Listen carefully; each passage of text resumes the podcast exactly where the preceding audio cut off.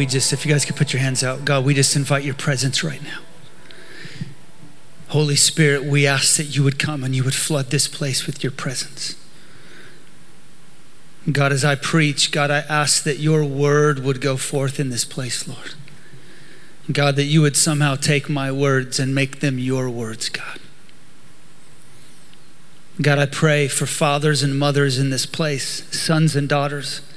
God, that there would be such a strong sense, God, of, of your, your kindness. I just sense the kindness of the Lord here. The King is kind. Jesus is kind. He's a, a kind King. And I just sense his kindness like he's drawing close, just the Lord drawing close to some of us who have felt far from God. And we just pray that the kindness of the Lord would just drop in this place.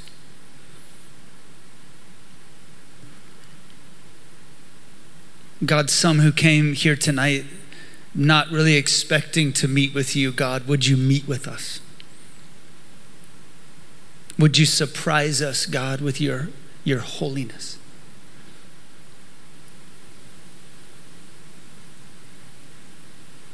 We pray this in your name, Jesus. Amen. Hey, guys, so I, I want to take just a moment and um, tell you why I'm here. We started a, uh, a preacher's movement about 10 years ago in Redding. Uh, we felt called to gather these young preachers and begin to develop and equip uh, preachers and storytellers, prophets, evangelists to begin to break open the Word of God and break open their own lives. This collision of the Word of God and the authentic uh, preachers breaking their lives open. And, and it was just so exciting to, to see God, um, the holiness of God through humanness, to see how each preacher carries this unique voice of God and and uh, so, four years ago, as, as this underground preach club developed, uh, four years ago, we started a preacher's school in Redding. And so, we started gathering preachers from cities and from different countries. And we did this for four years.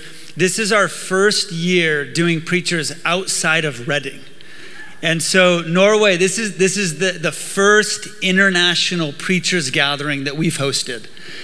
And uh, listen, we love you guys so much. We love Irina and Martin and Elling and all y'all. And, and uh, so we couldn't think of a better place um, to host our first international preachers gathering than in Norway.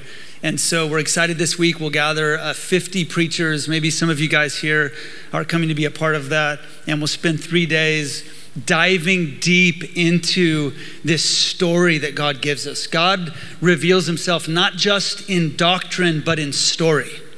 And we've been entrusted with this story, and, and a generation, one of our prayers is that we would see this marriage of both theology and revival.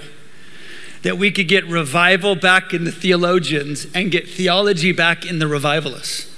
So, raising up this generation that they, they come to the, the Word of God as expectant as they come to worship God. When there's a worship night, everyone shows up. When there's a word night, no one shows up. We love worship, but God's raising up a generation that, that, that, that have encountered the God of the Bible, that come as expectant uh, to, to word Him as we do to worship Him. And so, even as I preach, one of my prayers as I preach uh, tonight is that, that Jesus himself would reveal himself through his word. Dietrich Bonhoeffer once said this he called it the incarnation of Jesus in the word. That as the, the Bible is preached, Jesus himself comes and he walks among the people, putting his hands on people, imparting his word into them. And so when I'm preaching, I, I, I look for Jesus. Where is he? And especially when my, when my word is kind of failing, I look for Jesus and he looks at me and says, I got you. And so, this is our prayer that, that God would raise up preachers. Maybe some of you are here and you feel called to, to preach, to break open your life, to break open the word. And I just pray that, that God would get you, that, that, that the Spirit of God would come and, and really awaken you to his word, even, even as I preach tonight. So, um, I brought a gift for Martin. This is our preacher shirt. And I thought Martin could rock this preacher shirt. It happens to be your size. I'm glad because I only brought one size. Oh, come on.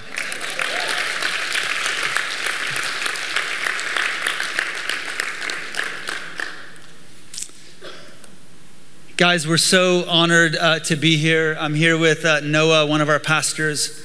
He's a phenomenal preacher. Um, he is definitely taking my job one day. Um, and then my uh, one of my daughters, Adia, is with us, and she's a phenomenal soccer player. And so she has a ministry of soccer on the soccer field. And uh, so, just so glad to have you guys. Um, let me just pray. God, I just pray, um, God, that as as we open Your Word now, as I as I uh, share this message from the book of Exodus, God, I pray You meet us. I pray you would speak, your voice would come. God, we've worshiped you, now we get to word you. We look for Jesus as he walks among the church, even tonight, putting his hands on people, imparting his word. We pray this in your name, Jesus. Amen. Hey, tonight I want to um, offer a teaching um, I call the chuppah. Um, can you say the word with me? Chuppah. I want to talk about the chuppah tonight. I want to uh, teach on sexuality and God leading his church into his design and his delight for sexuality. Uh, so, 22 years ago, the year was 1999. Uh, I stood there as nervous as I've ever been as the most beautiful Latina woman came walking down the aisle to me. It was our wedding day. And I stood there and I saw her, and she saw me. We had hired some friends, some musicians, and they learned the entire soundtrack from the film Braveheart. So they were doing their best. Uh, a, a cellist, a violinist, a harpist, a flutist doing their best to play the Braveheart soundtrack. I felt like Mel Gibson in the last war scene as my soon to be wife walked down the aisle. I stood under a chuppah. And my wife, she came and she joined me under the chuppah. The, the chuppah is a Hebrew word that means covering or canopy. And it comes out of the story of Exodus. So we stood there under the chuppah, the covering, the, the, the canopy. Maybe you've seen this in, in some sort of wedding picture or a wedding film. And we stood there and we, uh, I put on a guitar, I wielded the guitar, and I sang her a song. And then I spoke my vows to her. She spoke her vows to me. And then it came to the, that moment in the, the wedding that I had longed for, where we get to kiss. So as I leaned in for the kiss, uh, someone had, had hid uh, these doves, 12 doves down by the river. As we kissed, somebody unleashed the doves and, these, and we had no idea it was a surprise. These doves came up from the river and they swooped around our heads twice as we kissed and flew off into heaven. My grandma is sitting in the front row, like where Irina is.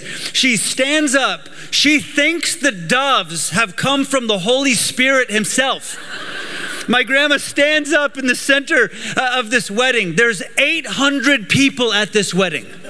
She stands up and says, It's a miracle. no one had the heart to tell her that somebody had hid the doves in a cage. So we never told grandma. To this day, she believes they were from God Himself blessing this marriage, and they flew back to God. Uh, so my wife and I, we stood under the chuppah, and what was uh, so ironic or intriguing about that moment 22 years ago is we had no idea what a chuppah was. Uh, the, the chuppah is a Jewish wedding tradition. A Jewish man, a Jewish woman in Jesus' day and in biblical times would stand under a chuppah. And it comes from this story in Exodus.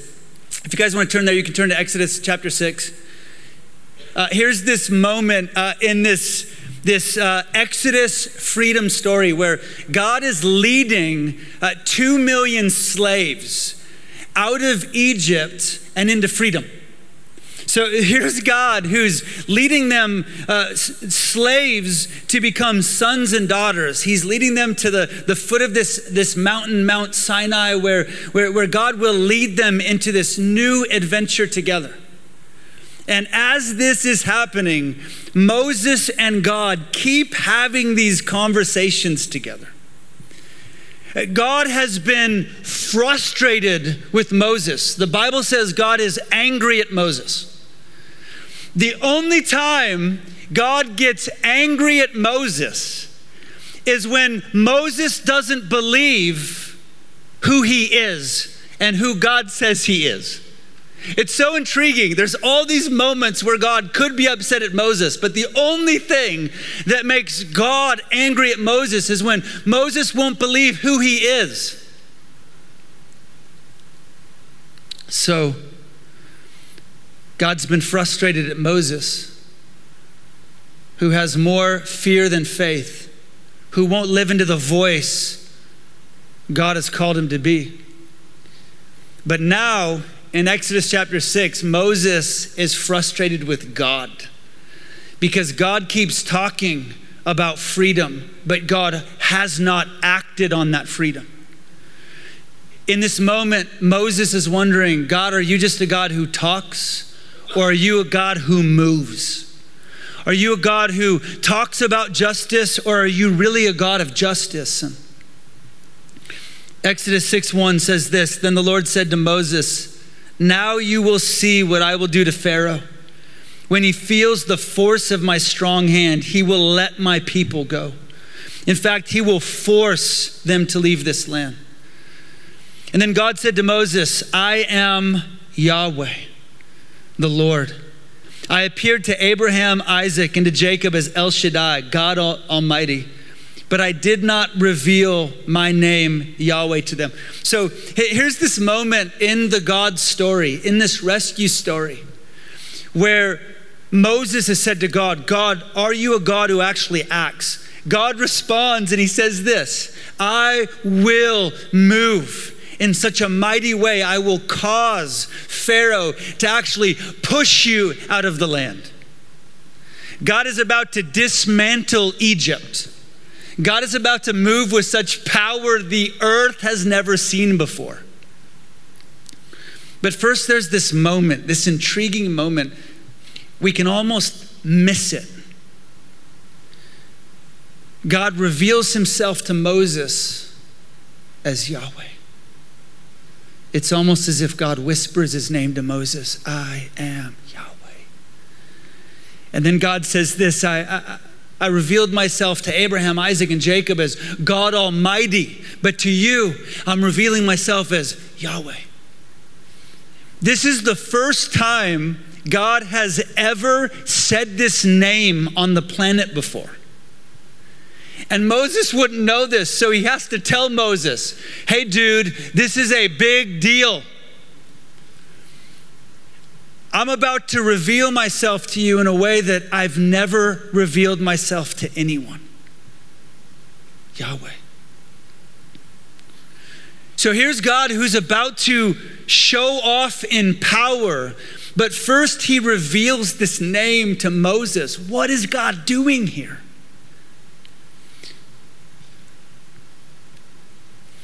Why would God reveal this new name to Moses?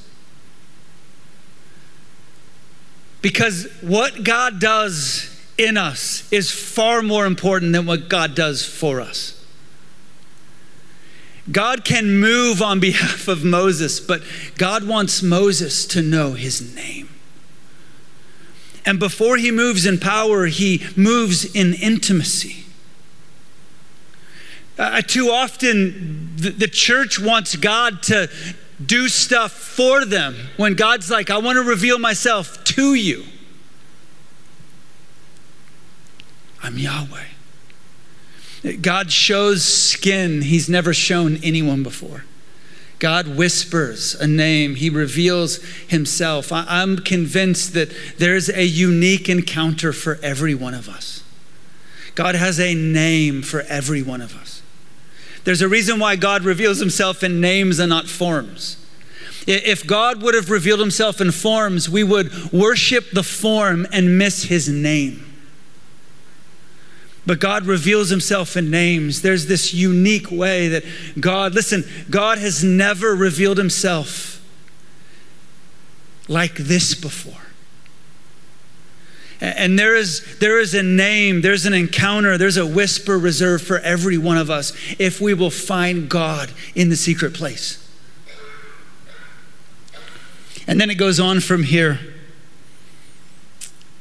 God reminds Moses of his promise.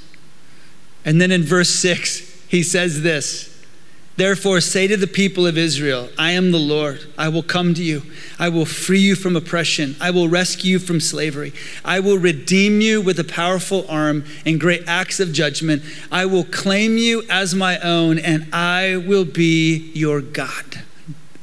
Then you will know I'm the Lord your God and that I've freed you from Egypt.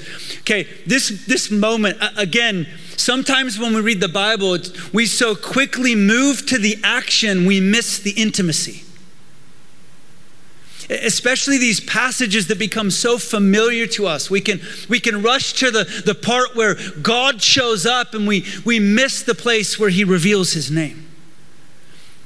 So, in this uh, moment, Exodus 6 6, God says to them, I'll come to you, I'll rescue you, I'll redeem you, and I'll claim you as my own. These were the four vows that a Jewish groom would speak to his Jewish bride under the chuppah. This is wedding language. This is God using the language of marriage. So, as they heard this moment, Moses would have known there's a wedding coming. And so before God wars, he woos. God is a lover before he's a warrior. Before God draws his sword, he draws them close into this wedding marriage moment. I, I, think some of us, we run into this life with God, doing stuff for God, and we miss these moments where God reveals his stuff to us. It is far more in this moment, they're crying out, God, would you rescue us from, from Egypt? And God saying, but first, a wedding. First, my name. First, Yahweh. First, I will speak vows to you. It is far more important that you know my covenant love than my mighty power.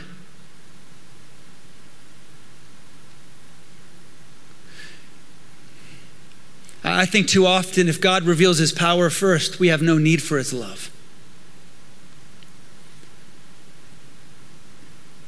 Here's this stunning moment where God begins to pursue them. Uh, later on in this uh, book, in Exodus 19, verse 5, uh, God says again, He says, if you'll come with me, if you'll come into this covenant with me, if you will come into this marriage with me, if you'll become my beloved and let me be the lover. In Exodus 19, God says this You will be a special treasure for me out of all the nations. This was a language that a Jewish groom would speak to his Jewish bride under the chuppah. Then later on in Exodus chapter 25, uh, verse 8, God says this Have Israel build me a, house, a, a space, a tabernacle. Have them build me a place so that I can come and live. This is God's way of saying, Hey, let's get a place. I'm moving in. We're getting married. I've spoken my vows, but I'm coming to you. And so they do this. They actually build God. Could you imagine? They build God this, this, this house, this tent, this tabernacle. And, and then in, at the end of Exodus, in Exodus chapter 40, God actually comes. So God not only speaks these wedding vows to Israel, but God comes and he fills the tabernacle. His presence is so strong, it's so palpable in this moment that, that, that they come under the presence of God. And the Bible says this at the end of Exodus. It says this the cloud of God covered the tabernacle, the glory of the Lord filled the tabernacle. Moses could no longer enter it. Verse 36 Whenever the cloud lifted from the tabernacle, the people of Israel would set out on their journey following it. But if the cloud did not rise, they remained where they were till it lifted. A, cloud of the Lord hovered over the tabernacle during the day, and a fire glowed inside the cloud at night so the whole family could see it. This continued through their whole adventures. The next 40 years, this would happen. So God has married a people now. Genesis the book of Genesis is about God officiating a wedding. The book of Exodus, the second book in the Bible, that wedding doesn't work. Adam and Eve, they're, they're, they're tempted in the garden, they turn their backs on God. So in Genesis, God officiates a wedding. In Exodus, God enters the wedding.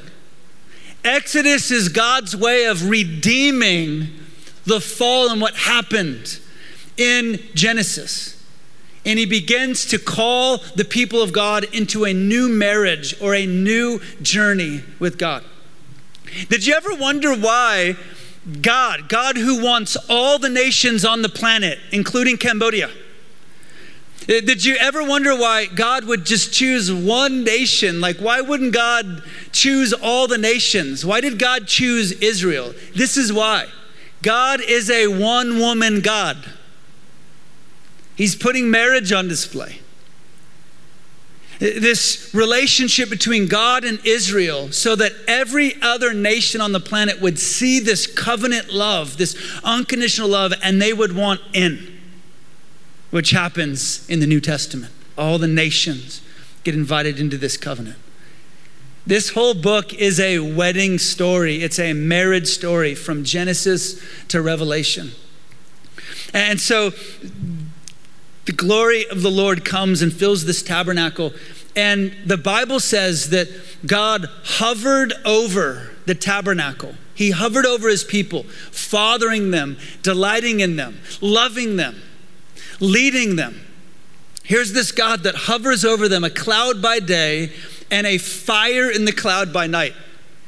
So many people these days, they don't know where God is. They wonder, well, where's God? Like, why doesn't God show up? Where is he? Back then, he was a cloud that hovered over them. Like, where's God? Oh, there he is. You know, oh, he's moving. We should move with him.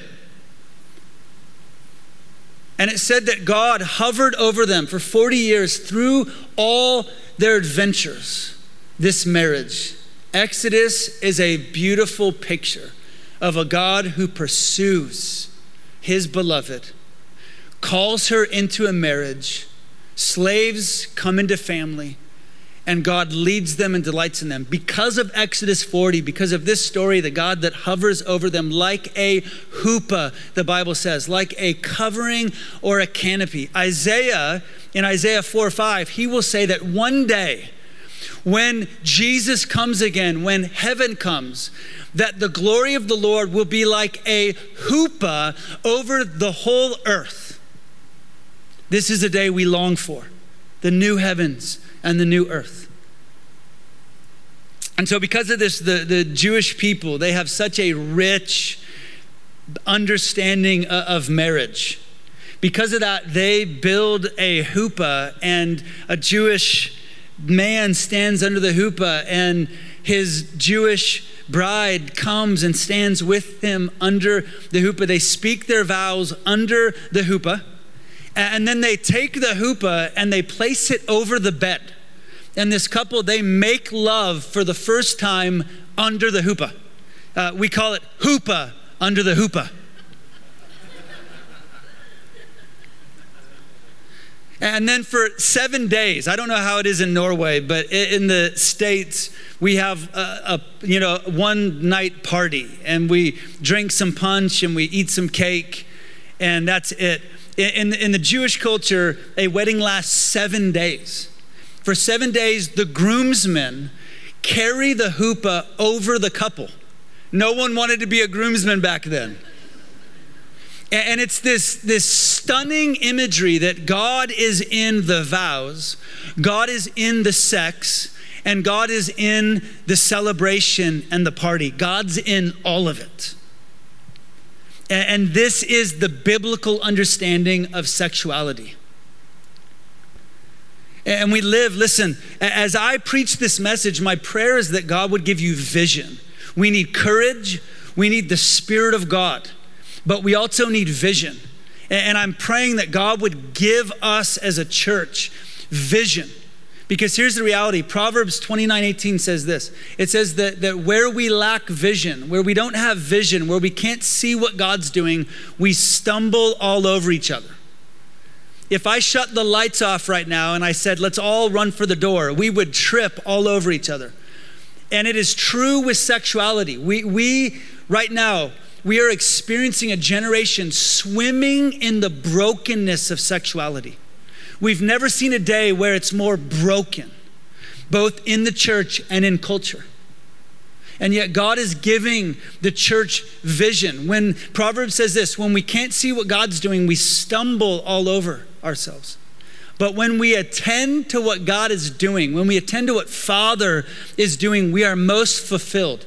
When it comes to sexuality, God doesn't want to frustrate you, He wants to fulfill you. God is inviting a generation back under the chuppah. Uh, in the book of Genesis, God creates Adam and Eve in his image. And, and the first command in the Bible is what? To make love, to have sex. The first command God says, Be fruitful and multiply. We call it fill the earth sex.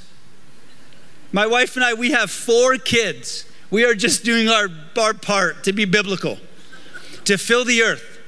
The, the first commandment in the Bible God is not ashamed of sexuality. God has never been ashamed of sexuality. The, the enemy has warred to bring shame to sexuality. But, but when God had the world the way He wanted it, we were sexual before we were sinful. And God is leading a generation from shame drenched sexuality to spirit drenched sexuality. God never intended to bring shame. The, sex was never the enemy's ground. You guys with me? This is not the enemy's ground. Sex was not invented in some dark alley. This was God's gift. God was in heaven with the angels, and Jesus was creating things. He was creating animals and chihuahuas and giraffes and and tigers and flowers and and Jesus had this idea and he he slapped his hand down on on, on heaven's creative table and the angels came around. He said, I have this idea. And Jesus begins to talk to the angels about this gift of sex. And they're like, wow, that's weird. And then God in Genesis gives the gift of sexuality. This is God's gift. This is God putting His love, His design, His delight on display. This is God's. God wants sex back. Hashtag. God is so passionate about his gift from the beginning of this story. And he's raising up a generation who will come into the gift and the joy and the holiness of sexuality. In a world that longs for spirit drenched sexuality, in a culture of, of hookup, sex, casual sex, have sex with whoever I want. The, the world says have sex with whatever, whoever uh, we want. The, the church often says hide it. The world says have it. And God says, could you honor it? Could you honor this thing, this gift? Could we see a generation come back into the joy and the gift? But we need vision. The chuppah is this incredible vision because it, here's, here's the chuppah, and it's a picture of God is there. God always meant to be there. Uh, sexuality is, is not just something we do in a bedroom, it is worship. Worship is not just singing to God. Worship is, is not what I do, it's who I am. And when we really, listen, when we really get what worship is, my whole life becomes worship. And God meant to be there, God who hovers over sexuality. And then uh, the have you seen a chuppah? It has this uh, prayer shawl over it. It's it's the Father's very own prayer shawl. It, it's stunning to me that these Jewish teenagers make love for the first time under their dad's prayers. And then the friends, the parents are there as a covering. The friends, they stand at the corners uh, of the chuppah. That the chuppah is an invitation to bring our sexuality back into the presence of God, back into life with spiritual fathers and mothers, and back into the, the, the health and the protection of community and friends. This is God's heart for dating. This is God's heart for singleness. This is God's heart for marriage. That, that it's not about getting it perfect, but it's about getting it into His presence again. And yet, too often, I don't know if you've seen this, but there's, there's this dude, he loves Jesus, and there's this girl, she's on the worship team. And then they start dating, and the moment they start dating, they disappear. And it's always for four months. And everyone's wondering, where are they? When they need covering and they need community and they need the presence of God, they disappear. Uh, something we say at our church is friends don't let friends date in the dark. We become not passive, but passionate about being in people's lives and especially around sexuality this place that's often isolated or, or, or we live in shame and, it, and discipleship is everything but my sexuality. But if we're going to be a discipleship culture, we have to create shame free space for singles, for dating couples, for married couples to bring their pain filled, joy filled sexuality into his presence again. And guys, this is so rare. It's so rare, hardly anyone's doing it. Like, even as I travel around the world and teach on the chuppah, I have seldom to find churches that have created shame free space for sexuality. Most churches just don't talk about it. And where we become silent, listen, when fathers get silent, sons and daughters, they become absent. Where fathers and mothers stop investing, sons and daughters stop caring.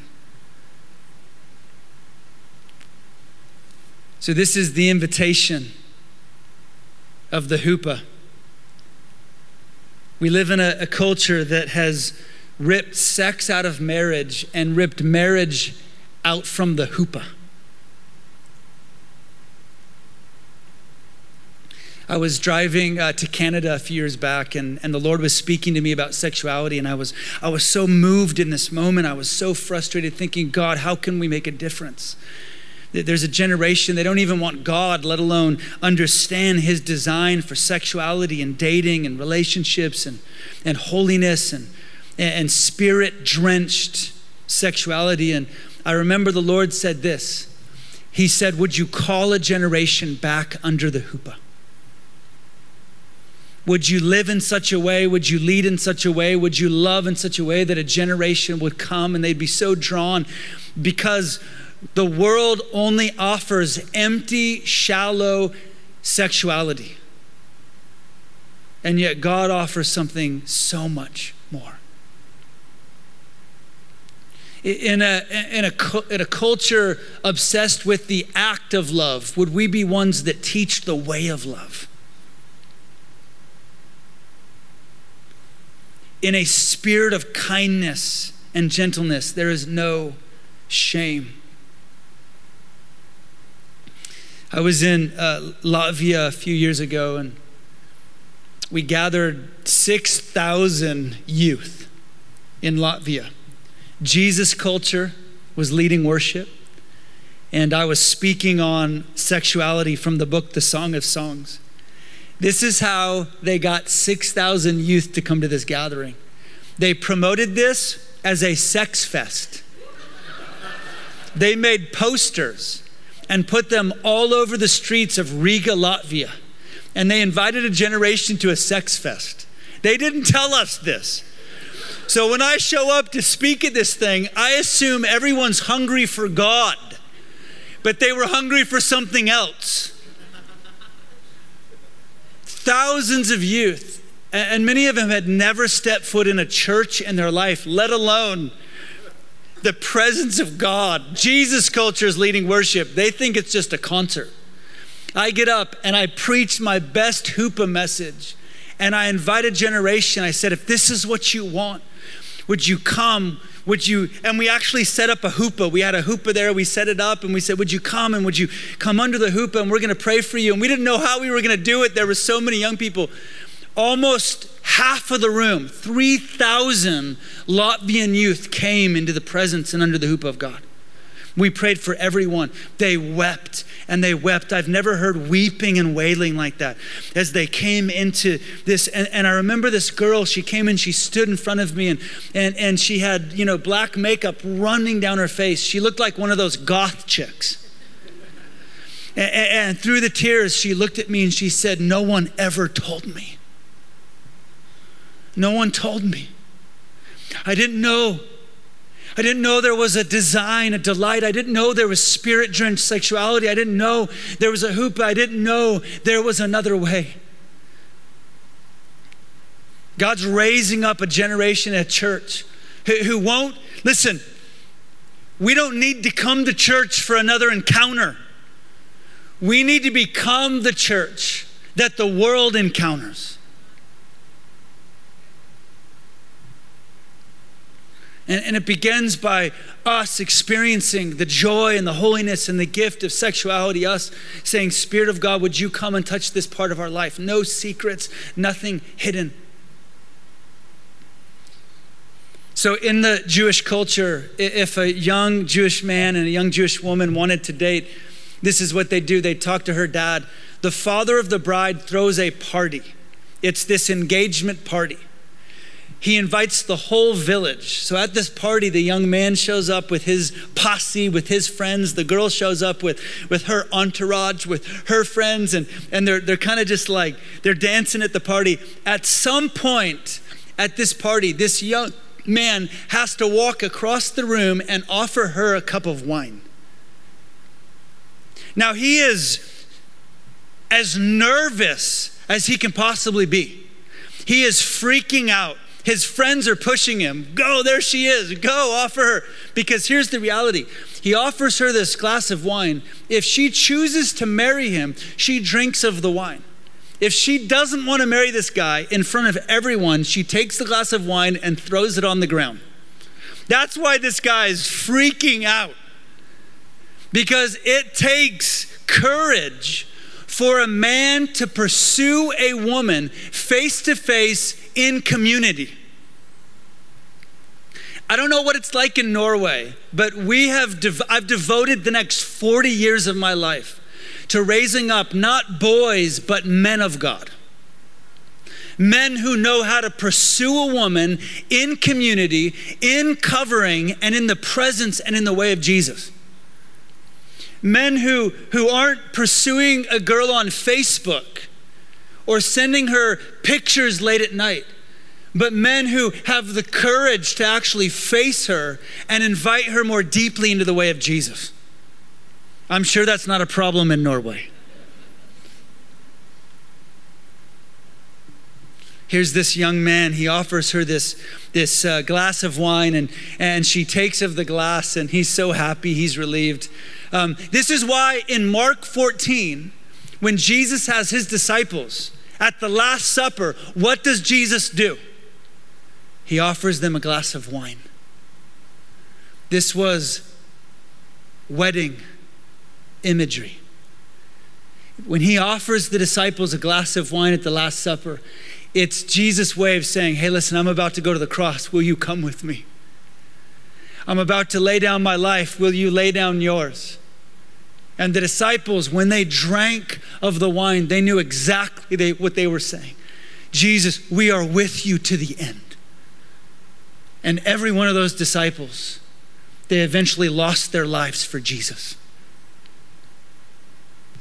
So, in this uh, moment at the engagement party, if she drinks of the wine, this young man, he, he straightens his collar and he makes a speech. And this is the speech that a Jewish groom would make to the Jewish bride on his wedding night. This is what he says, word for word In my father's house, there are many rooms.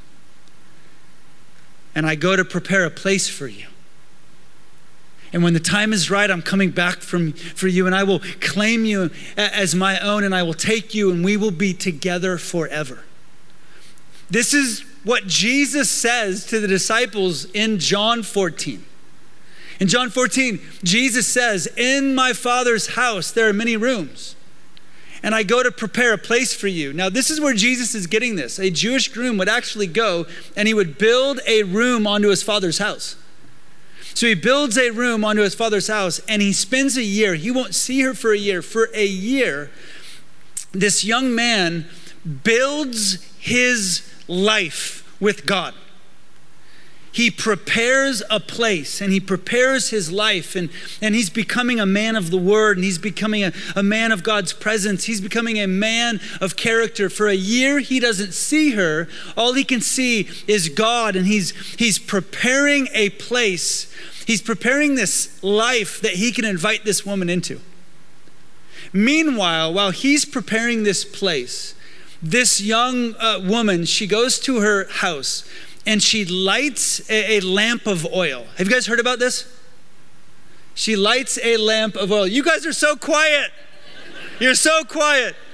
I want to teach a message on how to preach back to the preacher. Amen, preacher. Good word, preacher. Come on, preacher. So, so this this uh, Jewish woman, she goes back to her house and she, she lights this lamp and puts the flame in her windowsill. For a year, her job is to keep the flame alive. This man, he's building his life with God. He's building his character. He's becoming a man of the word. He's learning the voice of God. There's, there's nothing more scary than dating a man who doesn't know the word of God dating a man who doesn't know God's voice, dating a man who's, who doesn't have fathers and mothers in his life, who isn't in community. And, and, here he is, and now she's keeping the flame alive. She's, she's saving her, her purity for this man. She's, uh, because at some point he will come and she wants him to see her flame in the window. And she's learning his voice, and she's learning the word of God, and she's learning the presence of Jesus, and she's becoming a friend, she's becoming a daughter. This is why in Matthew 25, Jesus talks about the 10 virgins who, who lit their, their lamps with oil, and, and yet five of them, the oil went out. And so here she's got this flame in her window, and, and he's building this place for her. And then at some point, when the father believes this young man is ready for this woman, he sends his son. The Father sends his son. And it's only when the Father says it's time. So, this is why in Acts 1, they say to Jesus, When are you coming back? We've drank of the wine.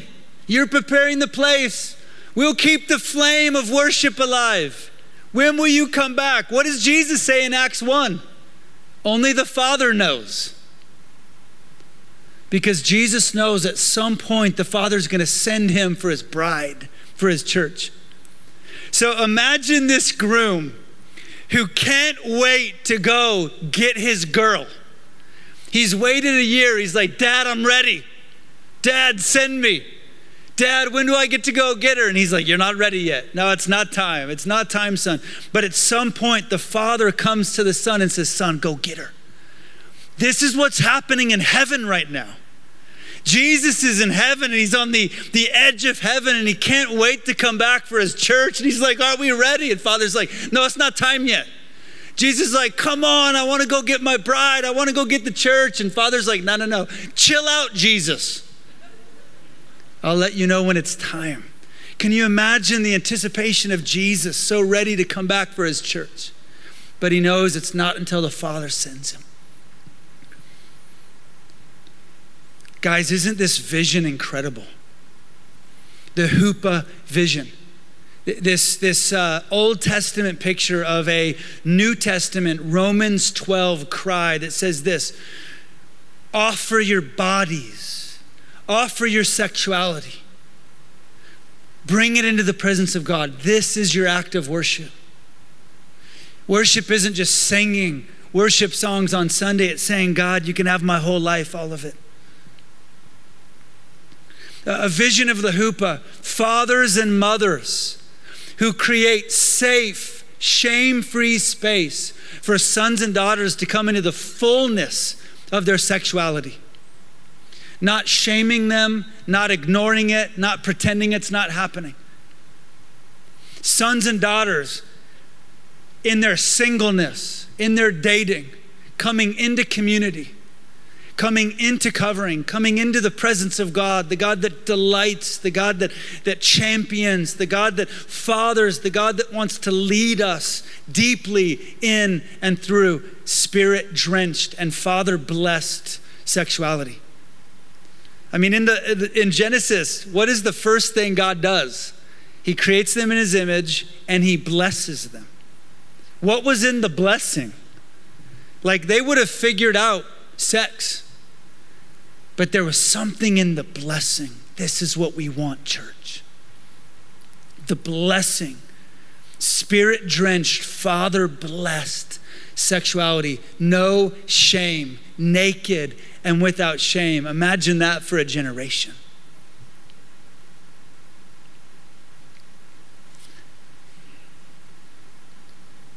A generation living into the fullness so I want to I want to pray for us as as worship team comes if they want.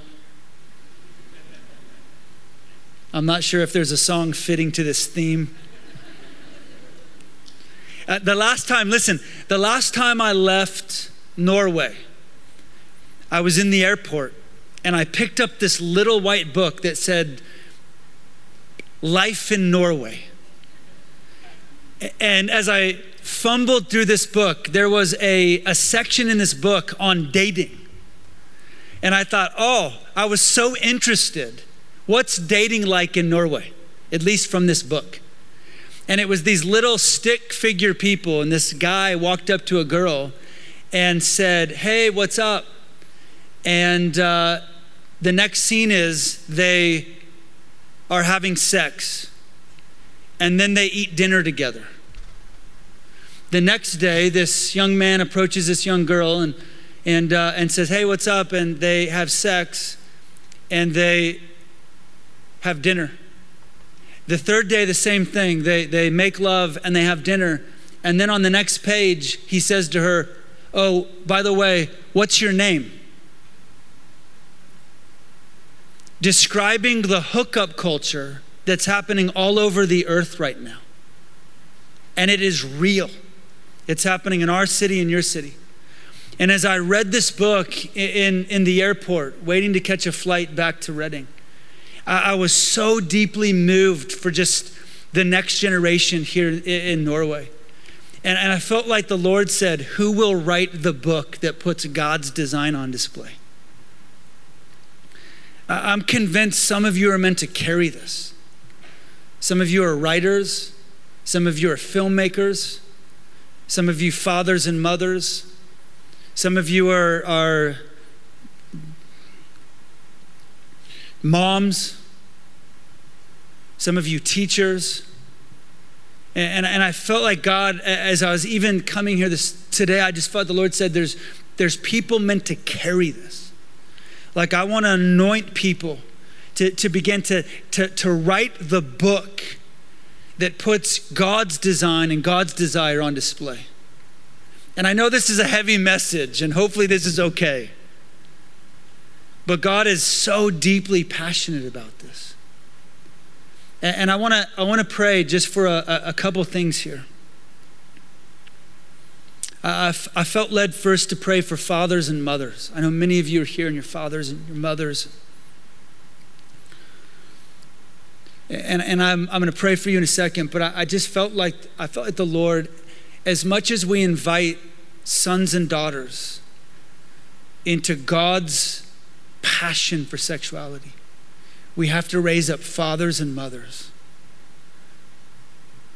Like the revival we're longing for will not come through more gatherings, but through more fatherings and motherings. The revival we're longing for will not come through more programs, but more presence.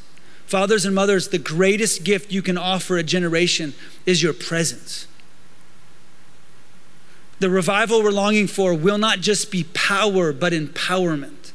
It, it won't come through more sermons and strategies, but through sons and daughters.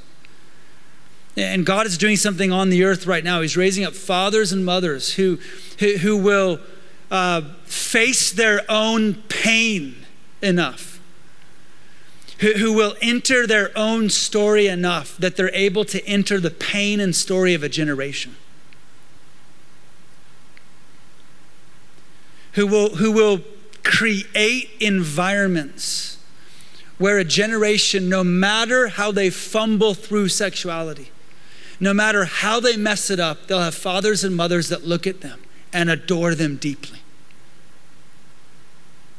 who refuse to punish them when they mess up, but embrace them deeply like Father does.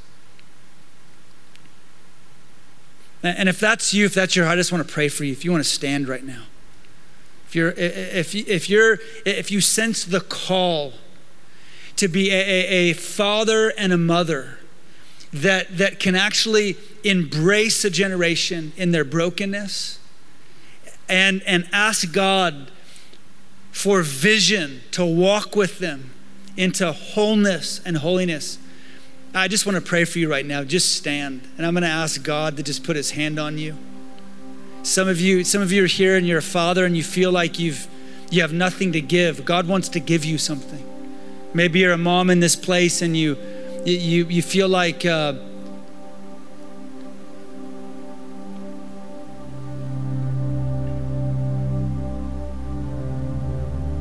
maybe it's been so painful for you that it's, it's hard to think about being a mom for someone else. God wants to meet you in that space right now. Holy Spirit, come. Just put your hands out.